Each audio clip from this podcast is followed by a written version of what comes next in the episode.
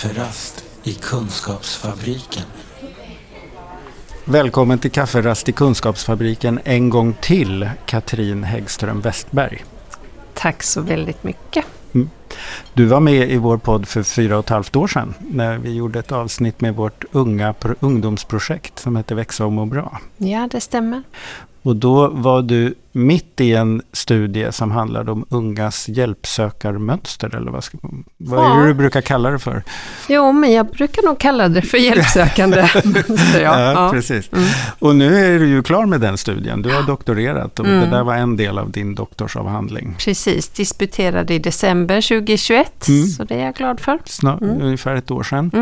Um, och nu har ju du formulerat dig ännu mer liksom, systematiskt kring det här som du hade börjat titta på. Mm. Vad var det för ungdomar du träffade i din studie? Eh, I, mina I min intervjustudie så träffade jag ungdomar mellan 13 och, 15 och 23 mm. som eh, hade sökt hjälp för att de mådde dåligt eh, mm. på antingen ungdomsmottagningen eller Svenska kyrkans samtalsmottagning för unga. Just det, så det var unga som själva hade adresserat någon form av Precis. psykiskt... Och, och det var det enda inklusionskriteriet egentligen, att de själva skulle ha tyckt att de mådde dåligt och sökt hjälp för det. Ja, just det. För jag var inte intresserad av att definiera deras psykiska ohälsa på något sätt, utan jag ville titta på äh, sökandeprocessen. Just det. Och då beskrev du en del saker, men nu har ju du formulerat en hel modell mm. för, för vad som händer när unga mm. eh, hamnar i en situation där de upplever att de inte funkar som de hade hoppats, eller vad mm. man ska ja, säga. Precis. Men jag tycker du också har döpt den till någonting lite tankeväckande, för de mm. kallar, du kallar det för Lost in Space. Mm. Um, Vi funderade också på att kalla den för Lost at Sea, men andemeningen är densamma. Mm. Och ungdomar beskrev ofta att de var lost. De visste, de kunde inte värdera vad det var som hände. Mm. Eh, de upplevde ju att de hade problem, men de förstod inte riktigt vad det var och de visste inte vart de skulle ta vägen med det. Ja, just det. Mm. Och du har ju delat upp det här i tre huvudfaser. Mm. Och den första har du kallat för drifting. Just det. Och, och det, mm. Om man tänker sig att man är lost in space så skulle man kunna tänka att det är någon slags svävande tillstånd då, mm. som man befinner sig i. Mm. Och det var just det de beskrev i den fasen eller i den kategorin då att de inte de, de förstod inte, de, de kände att de hade problem, de förstod inte vad det var riktigt. De kunde inte värdera det. De var väldigt ambivalenta i, i det. Ena, ena stunden kunde de tänka då att det är säkert inte så farligt och jag behöver ta mig i kragen och mm. så vidare. Och nästa stund så tänker de jag är sjuk, jag behöver hjälp. Men ja, det var svårt att värdera det. Mm. Och man pendlar mellan... Man pendlade någon, mellan det. Ungdomar uttryckte att de hade för, för lite kunskap för att kunna värdera mm. och då blir de lost. Ja, just det. Men då är det också en sorts svävande i mig själv. Ja. Just det. Mm. Men är det också ett svävande i hur man försöker adressera det här mot omvärlden mm. eller hur man försöker förhålla sig till omvärlden? Mm. Uh, ja, därför att man visste ju inte vad man skulle göra och man visste inte vart man skulle vända sig. Eh, så att det blev ju ofta att de försökte att ta hand om och adressera de här problemen de hade själva. De hade ju tusen olika mm. Eh, strategier mm. för att hantera då sin... Den ena mer kreativ än den ja, andra. Ja, verkligen, mm. verkligen. Mm, det var allt. Ja, just det, för att när man hamnar i en situation där man inte mår bra mm. så så har man ju väldigt incitament att försöka åtgärda det. Ja. Och då blir det ju att, och man är ju ganska snabb kanske också upptäcka att men nu känns det lite bättre om jag gör så här. Mm. Mm. Jo men så kunde det absolut vara och så provade man någonting och så kanske det blev lite bättre ett tag och sedan så mm. funkade mm. inte det och så provade man någonting annat. Så att det beskrev ju ungdomarna genomgående. Mm. Det här att de jobbade stenhårt med sin egen hälsa. Mycket trial and error, ja, alltså, alltså ja. att man testar och utvärderar och ser. Ja. Mm. Um, och sedan um, att de ville ju också klara sig själva. Ja, just det. Mm. Ehm, för det tänker man att det är någonting man ska göra. Ja, och, och jag tänker att här, jag beskrev ju ungdomstiden Mm. och, och det handlar ju om att hitta sin självständighet där. Ja, just det. Och det var Mm. väldigt tydligt där att de ville ju vara självständiga och sen så Mm. förstod de ibland att det här går inte. Eh, men att den ambivalensen var också väldigt tydlig då med är jag sjuk, är jag inte sjuk, behöver jag hjälp, behöver jag inte hjälp, kan jag klara mig själv eller behöver jag hjälp? Då. Ja, just det. Och det där vacklar man mellan då, hela tiden. Mm. Så Ja. sammantaget så blev det då väldigt tydligt Drifting. en drifting här. Mm. Mm. Just det. Men du beskriver också någonting att det kommer till någon slags point of no return där. Mm. Att, att det, för, för alla de här som då sen har sökt hjälp så har man ändå uppnått något slags stadium där man inser att det räcker inte med att ta sig i kragen här. Mm, mm, precis. ja. Och ofta så handlade det om att man fick hjälp av någon närstående. Och var det då en närstående som sa hur man skulle bota sin ohälsa eller som hjälpte en att förstå att man behövde hjälp? Mm. Snarare det, hjälpte en att förstå att man behövde hjälp och Mm. hjälpte en att nå den hjälpen. Mm. Eh, För nu var ju mitt urval, det var ju personer som hade sökt hjälp. Just det. Ja. Och, men, men vem var det som gav en rådet att söka hjälp? Ja, det kunde vara föräldrar, Mm. det kunde vara kompisar, det kunde vara skolpersonal, pojkvän, flickvän eller Mm. så. Men man var ofta inte själv Nej, vid det slutgiltiga beslutet att nu måste jag nog ändå. nej. Söka mig man, någonstans. Hade man inte fått det rådet så hade man vacklat vidare. Ja, lite Mm. så. Och det kunde jag ju se att man vacklade runt väldigt länge. Ja, Ja, Även efter att man hade fått det där rådet kanske. ja då, det kunde Mm. hända det också. Mm. Mm. Mm. Just det, att omgivningen ser tidigt att Mm. du kanske skulle prata med någon. Ja, ja. Mm. Precis. Kafferast i Kunskapsfabriken. Men då, det här att då bestämma sig för okej, jag Mm. söker hjälp. Då är man inne i nästa fas i din Mm. modell. Då kom man ju till navigating. Mm. Och där beskrev ju ungdomarna hur de hade oräkneliga eh, försök att faktiskt få eller hitta någon som hjälpte dem. Mm. Och de kunde ju prata om både elevhälsa, ungdomsmottagning, BUP, vårdcentral, eh, ja, på olika ställen då. Mm. Eh, och det var, många beskrev ju att det var, de hade svårt att hitta rätt liksom. Ja, just det. Mm. Är det för att det finns så många att välja på, det, men det finns en som är rätt? Eller är det så att, att de här som man träffar inte riktigt förmår att uppmärksamma problemet på riktigt? Alltså det, jag tror inte att det finns en, Nej. en förklaring. Så var det säkert i, i en del fall. Mm. Eh, men det var ju också det som ungdomarna beskrev, att de var rädda för att inte vara tillräckligt sjuka till exempel. Mm. Och det fick de ju också höra Mm. när de sökte sedan att nej men du, du mår nog inte så dåligt så att du är berättigad till hjälp här. För du klarar skolan just nu till Ja, exempel. eller någonting. Mm. Du, du ska inte vara här, du ska vidare till någon annan enhet. Ah, ja. Mm. mm. Så hela den Man här, kvalar inte in riktigt. man Nej. kvalade inte in. Eller det kunde också vara du är för sjuk för att vara här, Ja, så att du måste vidare till BUP till exempel. ja, just det. Eh, Och sen sa BUP att jag var för frisk då kanske. Ja, så, så kan det vara. Så att då blir det en, en Ja, just det. Då är det navigating. Ja. Ma- Man eh, åker runt i en grynnig skärgård. Precis. Låter det som. Precis. Mm. Och sen så kunde ju ungdomarna beskriva då att de fick sprida ut sina kontakter på flera ställen. Mm. Eh, det fanns liksom inte en dörr som Nej. de kunde gå in genom utan till skillnad från, eftersom de inte kände sig hemma på en vårdcentral. För dit går vuxna med sina... Dit går vuxna med fysiska ja, problem, precis. kroppsliga problem. Så det var inget ställe dit ungdomar skulle vända sig. Så eftersom de inte känner sig hemma då så har de ofta inte eh, läkare, samtalsterapeut, sjukgymnast kanske, Mm.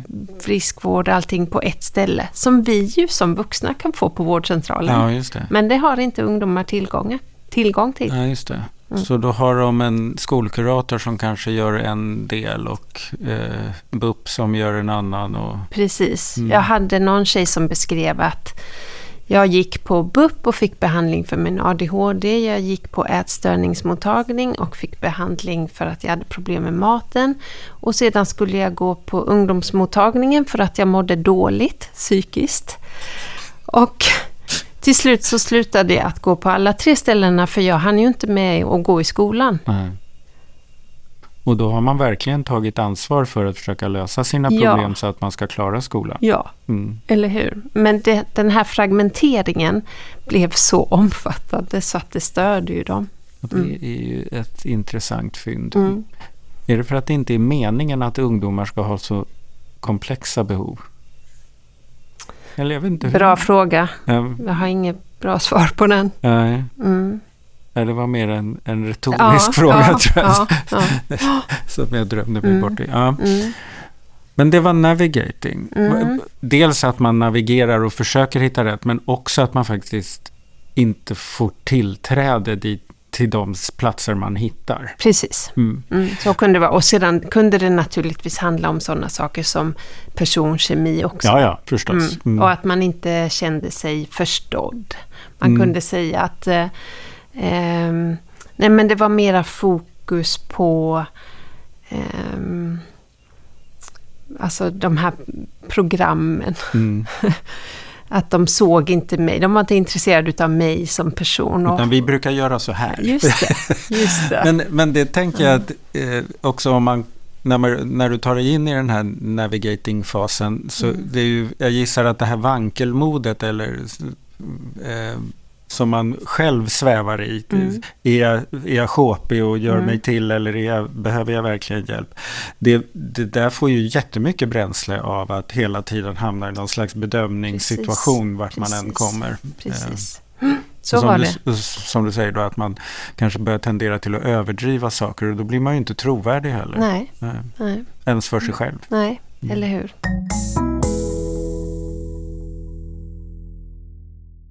Men om man då hittar något, Ja, vad hamnar vi för fas då? ja då var lyckan gjord.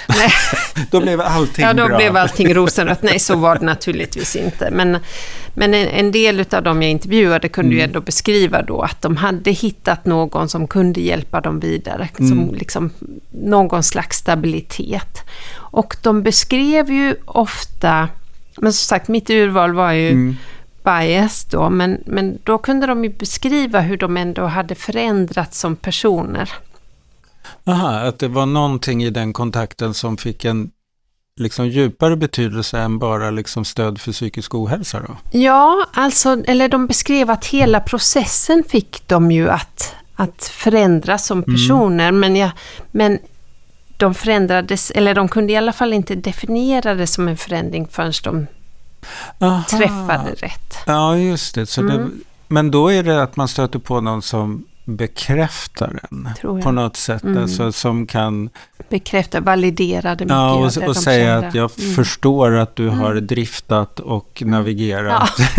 så att Ja, säga. just det. Mm, just det. Och det är ju att man blir sedd då, Mm. på något vis. mm. Oavsett vilken behandling eller instans Precis, det var. för sedan kunde det ju handla om många olika slags Mm. behandlingar, men att man blev sedd där, ja. Ja, Det finns ju sällan med som ett diagnoskrav. Eller liksom som en vårdeffekt att säga att vi behöver jobba med att de som kommer hit känner sig sedda. nej. Nej, Och det, Sant. det du beskrev om att fam, åka runt i den här navigationsfasen handlar ju om att komma till oräkneliga ställen där man inte blir sedd. ja, Mm. så var det. Mm. Ja. Och då är det ju dessutom rätt jobbigt att vara ung som det är. Mm. Precis, för man tänker att under ungdomsåren så, så söker man redan som det är för att hitta sin, Mm. ja, sin min, min... Ja, identitet och då ska man inte behöva famla också vad det gäller psykisk hälsa. Utan, och det sa ju ungdomarna eh, egentligen oupphörligen att vi vill kunna mer. Vi vill Mm. veta mer. Alltså de kände ju att de inte hade tillräckligt med kunskap. Så att man kan skilja ut det som är psykisk hälsa-uttryck från vad som är min, mitt identitetssökande. Mm. Så att säga. Mm. För att du har ju inget att jämföra med heller. Det är också Nej. en, både eh, fördel och nackdel med att vara ung. Precis, Ehm, precis. Ja, Så att det, är, det är en omständighet till att samhället kanske misslyckas med att ge bra stöd till ungdomar är att de är ungdomar. Alltså inte för att samhället är ont bara, utan Nej, det är för det, Nej, det samhället är ju inte ont, men jag tänker så här att vi är kanske för tillåtande där. Att vi tänker Mm. att men det är okej att de, de flyter. Ja, just det. Så, därför att det ska man göra när man är ungdom. Ja. Men det kan också vara så att väldigt mycket av de vård och stödsystem vi har är ju anpassade för vuxna. Ja, absolut. Mm. Absolut är de det. Mm. Eller rättare sagt, de är tänkta för vuxna. De är väl kanske inte alltid så anpassade till vuxna heller. Nej. För att jag kan ju också Ja. tänka när jag läste kring den, tankarna kring den här Mm. modellen. Så att säga, ja, ja, men så där var det ju när jag blev dålig också, men då var jag över 40. Ja. Men det som händer då är ju att alla de där grejerna går mycket fortare. Mm. Eh, och jag, kan, jag har eh, vänner och erfarenheter själv så att Mm. jag kan ju till och med vara den som själv säger åt mig att Mm. nu behöver du söka hjälp. Mm. Alltså det, det är mycket som skiljer men jag går ju igenom alla de där stadierna. Mm. Eh, så att, Och så tänker jag en, en svårighet för ungdomar också, det är ju naturligtvis att de, de tryckte väldigt mycket på att de ville klara sig själva, så som de Ja, gjorde då i, Mm. i, eh, i, i drifting. mm, Därför att alltså det handlar ju också om att utvecklas som ung, att du utvecklar din ja, självständighet. det. Mm. Lär dig att ta hand om dig Precis. själv. Mm. Och det ville de och det Mm. beskrev de ju också med de här eh, strategierna hela Mm. tiden. Men så att det, det blir svårt, det blir ju den här ambivalensen då. Jag vill klara mig själv, jag vill kanske inte gå och be om hjälp det första jag gör. Nej, Men jag kan inte navigera mig i systemet. nej, Och jag det. kan inte värdera mina symptom eller mitt mående. Ja, just det. Mm. Jag är ganska utlämnad här. Ja. Mm. Men en annan sak som jag tänker som jag känner igen i det här, att Mm. vilja klara sig själv, Mm. det är också det som jag tycker mig ha upplevt med den generation som är äldre än mig. Mm. Alltså att när eh, de i, på äldre dagar börjar må dåligt Mm. också kan bli lite som ungdomar. Och det tror jag mer har att göra att de in, när de var unga eller, i, eller när de var vuxna så, så var det så mycket stigma att man pratade inte om. De har inte heller den där kunskapen. Ja. Vi, vi kanske råkar vara en, Ja. Mm. en generation eller två generationer nu som har hygglig kunskap Mm. var och en om de här Mm. sakerna. Men jag kan nog känna att jag har mött personer över 70 som Mm. resonerar lite som att nu skulle man väl kunna klara sig själv, inte Mm. ska man hålla på. Och som också är väldigt ovan att, eller inte har något språk för att beskriva en ångestsituation Nej. eller en depressionssituation. Nej. Utan att det, Nej, det kan jag tänka mig Mm. att det överensstämmer. Och just det, det använder ju ungdomarna också, att de, de kan inte sätta ord på det. nej, Nej, de har inget språk för det. Nej. Och så går man och söker för ont i magen istället. Mm. Mm. För det kunde man sätta, för det har man ju haft redan som Precis. barn. Precis, eller hur? Och så, och så undersökte doktorn och sa det är inget fel på din mage. Mm. Och så skickade hon, hon eh, hem eh, tjejen då, i Mm. det här fallet. Och så säger tjejen under intervjun till mig, men jag hade ju fortfarande ont i magen. Ja, just det. För att, men doktorn har kollat på att Ja. det inte är något fel på det. Precis. Så hon, hon förstod ju inte. Och det var ju ty, typiskt exempel då på navigating. Ja, just det. Och, precis. Och på den här... Ja, det är ju något...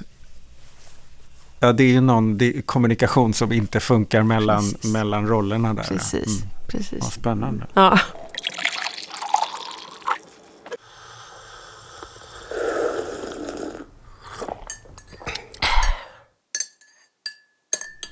Som en fortsättning på det här nu då. Mm. Nu har ju du fått tänka på det här mycket och formulerat och många har intresserat sig. Eh, Det var ju så roligt för att jag har haft kontakt med ett projekt i Sörmland som Mm. heter Tillsammans för unga vuxna. Och eh, pratade lite brukarinflytande eller någonting med dem och så, så, eh, så kom jag på, men var inte det där det som Katrin hade skrivit om? Så jag tipsade dem om det. Mm. De blev ju så här eld och lågor över den här modellen och sa, åh, men det här är ju spelplanen som vi ska försöka jobba med här. Så, eh, Roligt. Ja, så att det känns ju som att det är en modell som eh, eh, kan förstås. Det tror jag. Det Mm. tror jag. Det är nog den responsen jag har fått, ja. Mm. Att det här blir ju ganska tydligt. Ja, men det här kan man förstå att Mm. ja, det, det känns ganska rimligt. Mm. För då är det ju också intressant, om vi tar det här projektet i Sörmland igen då. Mm. För att deras uppdrag formellt är ju att de ska ta fram en samverkansmodell för vård och omsorgsaktörerna i Sörmland, hur de ska samarbeta kring den här gruppen. Men de har ju i sitt projekt förstå, förstått att vi kan ju inte börja liksom snickra på en samverkansmodell innan vi har förstått hur ungdomar i Sörmland är lost in space. Nej. För att det är det det måste matcha. Och Mm. det är ju, där gör ju de ett väldigt klokt val Mm. som går ut och träffar sörmländska ungdomar som har varit lost in space och kommit och dockat någonstans Ja. för att se vad är det som har gjort skillnad och Ja, sådär. ja. Eh, hur, hur har du tänkt kring det där? För att hur, hur skulle man, hur tänker du att samhället borde jobba med, med de här frågorna så att, vad ska man säga, tiden och lidandet i, i driftingfasen och navigationsfasen krymper? Alltså dels så tänker jag att man ska göra det som ungdomarna säger och införa eh, psykisk hälsa på eh, Okej, i skolplanen. man behöver lära läroplanen. sig om det. Ja, Mm. man behöver lära sig om det. Det var de väldigt, väldigt tydliga med. Mm. Ehm, och det finns möjligheter redan idag. Mm. Och det, det förekommer säkert på vissa ställen men det skulle kunna implementeras på ett mer strukturerat sätt tror jag. Så det, det tänker jag att man skulle göra. Ehm, därför att vi vill ju ge dem möjlighet att klara sig själva Mm. också. Vi vill ju fostra dem Mm. till, till ja, självständiga individer naturligtvis. Det tjänar vi på allihopa. Ja, Mm. eller hur? Men sen så tänker jag att ehm, det är väldigt knepigt den här fragmenteringen. Mm. Och varför just ungdomar ska vara utsatta för att behöva sprida ut sina vårdkontakter på flera olika ställen. Ja. Att man inte kan få träffa både, eh, ja, att man inte kan få medicinsk behandling och samtalsbehandling på samma ställe till exempel. Mm. Det har ju gjort, tagit sådana här initiativ. Jag vet att SKR och Ing-Marie Wieselgren på sin tid har jobbat väldigt mycket med det här med första linjens vård för unga med Mm. psykisk ohälsa. Mm. Eh, Är det något som ändå inte har slagit igenom eller är det bara för delar av den här gruppen? Alltså det ser nog lite olika ut i, i olika regioner tror jag. Men första linjen är ju fortfarande eh, primärvården. Aha, och det är dit de inte går för Nej. att det är dit gamla människor går med sina dåliga Precis, knän. precis. Mm. Plus att man då måste ha eh, sina föräldrar med sig i de, i flesta fall. För att söka på vårdcentral. Så är det ofta. Mm, Att eh, jaha, men då får du be din mamma eller pappa ringa. Så. just det, och det vill man kanske inte Det göra vill man i det kanske skedet. inte. Nej. Nej. Nej. Och då är det skolhälsan kvar. Ja, och skolhälsan har ju egentligen ett uppdrag, att, eller elevhälsoteamen då, att Mm. inte behandla.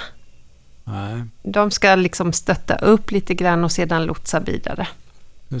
Så då är det ungdomsmottagningarna. Ungdomsmottagningarna har fortfarande, även om de har förstärkts väldigt mycket, Mm. så har de fortfarande ett fokus på reproduktiv hälsa. Kondomer. Precis, Mm. och p-piller. Mm. Vilket innebär att ungefär 90% av de besöken som görs i, på ungdomsmottagningarna görs utav tjejer. Ja, just det. För det är de som tar ansvar. Ja. Det är också de som måste gå någonstans för att få p-piller. Ja. Killarna kan gå till en kiosk Ja. och köpa kondomer. Ja, precis. Så då har vi ett helt gäng killar kvar Mm. som inte har någonstans att Nej, ta vägen. det, precis. Mm. Vart vänder de sig när det sen ändå blir nödvändigt? Bra fråga. Vi vet inte. Nej. Mm. finns en del eh, nätbaserade. Jag tror att de kanske vänder sig mer till UMO då på nätet. Och Mm. det finns det här under kevlaret och så. Mm. Men hur mycket Men det är- man når killarna, det vet Är jag det inte. olika former av kamratstöd då snarare än professionellt terapistöd? Det är nog professionellt också. Det är tror jag. professionellt Ja, det också. tror jag. Mm. Mm. Mm. Men det är en stor grupp Ja. som vi missar. Är det. Och även på ungdomsmottagningarna så är det ju framförallt utrustat då med eh, barnmorskor och kanske kuratorer, psykologer. Mm. Så du får oftast inte säga att du skulle behöva eh, sjukgymnastik och kanske antidepressiv medicinering. Mm. Ja, då måste du fortfarande till en vårdcentral. Ja, just det. Mm. Mm. Så drömmen vore ju en dörr. Mm. På riktigt. På riktigt Mm. en In- dörr. Inte en första linjen Nej. psykiatri utan en dörr Nej. för, för ungdomars Ja. utmaningar. Ja, Mm. jag tänker det. Och ännu värre för den gruppen som då kanske har slutat gymnasiet. 18-19-åringarna som inte liksom har eh, upp till 25. Mm. Som inte riktigt har, har hittat fotfästet i vuxenvärlden. Som inte känner sig hemma i eh, primärvårdssvängen. Ja, och kanske inte ens känner sig hemma där de bor för de vill flytta hemifrån. Ja, Mm. ja, precis. Så de har ingen elevhälsovård heller. Nej. Mm. Det börjar ju låta som ett under att man överlevde den där tiden. ja. Nej, och det, det tror jag inte det är, därför Nej. att ungdomarna är väldigt kapabla. Och de är väldigt Ja, det- duktiga på att klara sig själva.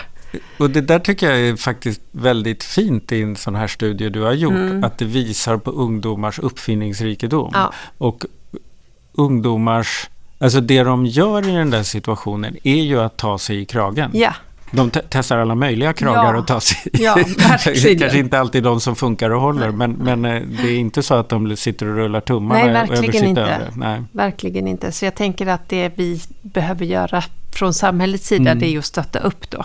Ja, Se till så att det finns en struktur som de kan söka i. Mm. Och det, använda sin kreativitet lite Ja. mer fokuserat och riktat. Ja, då. precis. Mm. Mm. Så tänker jag. Och rent strukturellt så det finns ju ungdomsmottagningar överallt. Så man hade ju kunnat använda dem för att bygga ut. Just det, för där är en dörr redan som det står Ja. ungdom på dessutom. Mm. Just det. Det låter ju logiskt att det är där saker Mm. och ting skulle vara. Mm. Mm. Så tänker jag. Är det något jag har glömt att fråga dig om som du tänker att det här måste jag alltid få säga när jag pratar om mina studier? Jo, men jag vet ju en fråga. Okej. Jag tänkte som jag... Ja.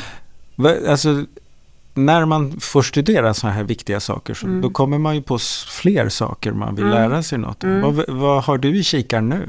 Nu så planerar jag ett projekt med min kollega Mikael. Mm. Eh, där vi vill sy ihop hans avhandlingsämne också om socialt kapital. Mhm. Och se hur det hänger ihop. Alltså, eh, häng, hänger socialt kapital ihop med psykisk hälsa och eh, hjälpsökande? Det vill säga Mm. om du har liksom ett stort nätverk inom familj, kompisar, skola kanske och också i, i ett större sammanhang i samhället då. Mm.